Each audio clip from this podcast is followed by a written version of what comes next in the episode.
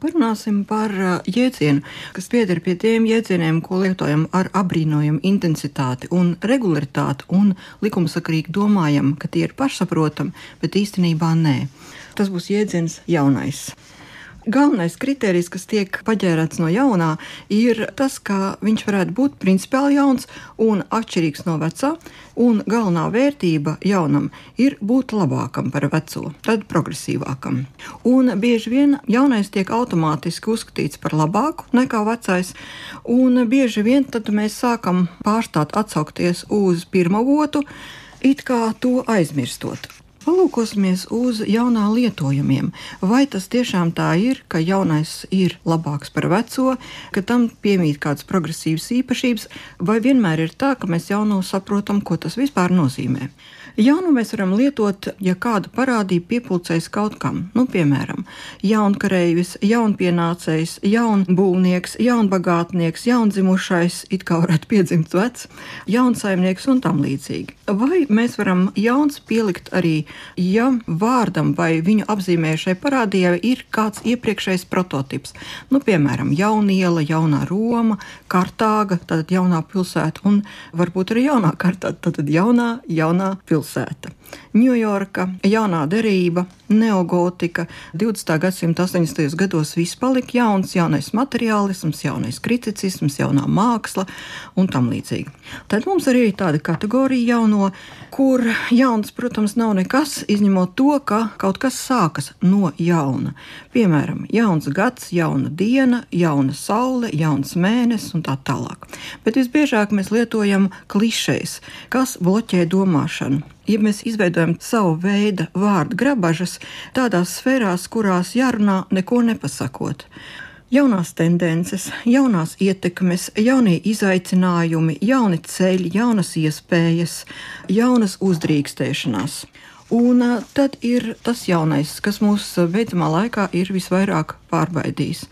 Proti, ja jauno pārnes politiskās valodas lietojumā, kāda politiska ideoloģisko ilūziju horizontā parādās kāds tīrais ideāls, kas sniedz neaizsniedzamās tālēs un ir jāizsniedz, tad mēs parasti lietojam jauns. Nu, tādi jaunie, kas parādījušies pēdējā laikā, ir jaunā pasaule. Starp citu, šis vārds jau ir no 16. gadsimta vidus rezervēts vienam citam jaunajam, jeb jaunai pasaulē, tas ir Amerikai. Bez jaunās pasaules mums ir jaunā normalitāte, jaunā kārtība. It sevišķi vecākās paudzes cilvēki var atcerēties, ka viņi jau kādreiz to ir dzirdējuši. Ir bijusi jaunā sabiedrība, ir bijis jaunais cilvēks, ir bijusi jaunā šķira, jaunā rase, jaunā reliģija un tam līdzīgas lietas. Un tad, kad parādās šādi jaunie ideāli, tad eh, visam tam likumīga pretenzija ir būvēt eh, šo jauno nākotni, jauno ideālu tādā vidē, kur jau ir attīrīta. Jeb eh, jaunā ideāla vārdā tiek aizsākta kāda pasaules nostūra attīrīšana.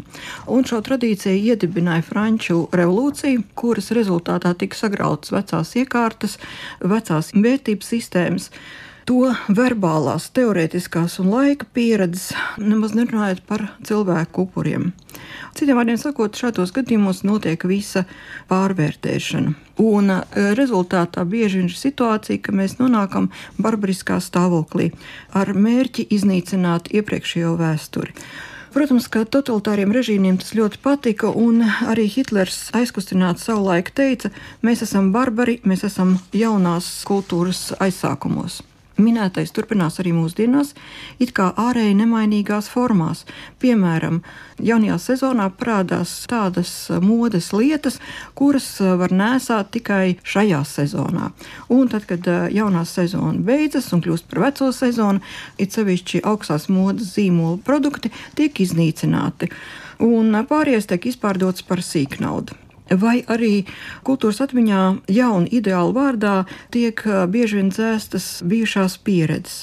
Šeit jāatcerās 20. gadsimta likteņa figūra Friedrichs Nīče, kurš teica, ka katra diena tikai tad ir jauna, ja iznīcina iepriekš pieredzēto, lai radītu vietu jaunradēji. Un jaunrade šodien ir viens no kultu vārdiem kultūrā un sabiedrībā. Ja mēs atceramies mazliet senāku tekstu un autoritīvāku autoru, respektīvi Bībeli, tad Bībelē jaunradītājs klājas viens aiz otra, nevis iznīcina iepriekš esošo.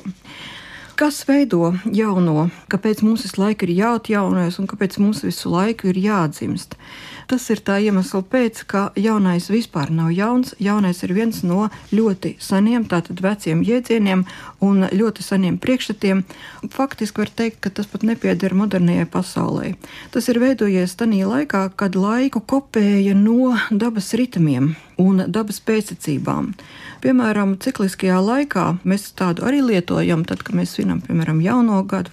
Viss sākas no jauna. It kā cikls ir viens un tas pats, bet uh, viņš piepildās ar jaunu saturu, tātad no jauna. Tam tiek izmantots arī vārds janvārs, tad, tad ir saistīts ar dievu Jānusu, kuram ir divas sejas un um, kurš apzīmē vai kurš konotē durvis un kaut kādu ieeju. Gads sākās viņā ieejot. Un uh, otrs priekšstats, kas arī ir saistīts ar dabas cikliem un arī apzīmē jauno un veco, ir veids, kā dabā viss aug un kā iet bojā. Augošais vienmēr virzās vertikāli uz debesīm, tad viņš sasniedz kādu punktu, kur skaitās, ka šis fenomens, uh, šī dabas parādība, cilvēks būtne ir izaudzis vai pieaudzis līdz noteiktam punktam, un tad viņš sāk dilt. Pēc šāda parauga mēs domājam par jaunu mēnesi, kurš īstenībā nekad nav ne jauns, ne dilstošs. Mēnesis ir mēnesis un vienmēr vienāds. Mūsu priekšstati ir tie, kur viņam piešķir šīs īpašības būt dilstošam vai jaunam. Jaunais vienmēr tiek domāts kā oriģināls, pavisam, pavisam jaunais. Bet, ja ņem vērā to, ko mēs nu pat runājam, tad jaunais nemaz nevar būt jauns. Kaut vai pievērsiet uzmanību šim vārdam oriģināls, ar kuru mēs saprotam pavisam, pavisam jauno. Tam pamatā ir latīņu vārds, kurš nozīmē no sākumiem. Tātad jaunais ir veidojies no vecā, un arī saprotams no vecā. Un um, tam pretī arī vecais. Vecais arī nekad nav vecais pats par sevi.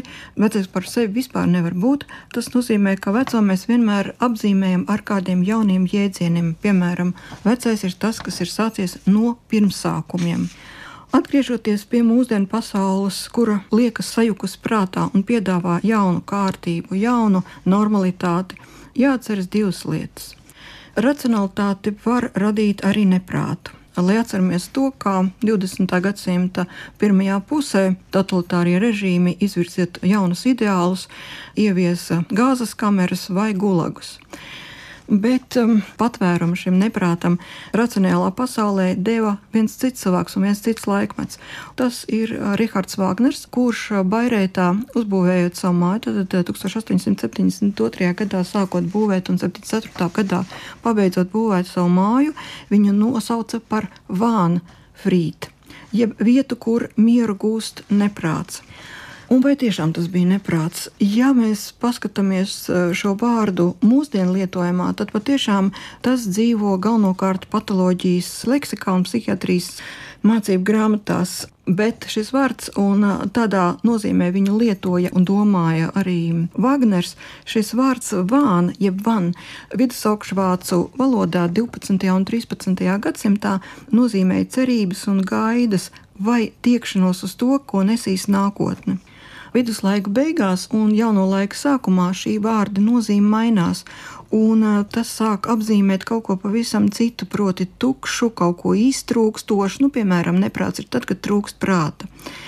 Kā var redzēt no šī piemēra, lai saprastu jauno, tas jāvērtē kā vecais, vecā kontekstā.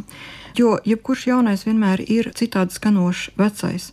Savukārt, ja kaut kas ir pasludināts par jauno, proti, jaunā kārtība, jaunā normalitāte, tad mēs varam būt pavisam droši, ka tas ir jau novecojis. Jaunais patiešām šodien top, bet tas mīl klusumu. Un es tiešām esmu pārliecināta, ka šis jaunais mūs patīkam pārsteigs. Tas, ko mēs varam darīt jaunā labā, ir kopt sensenas tradīcijas, kuras īsto jauno izaudzē. Vispārējais ir īslaicīgs un vēsturisks pārpratums.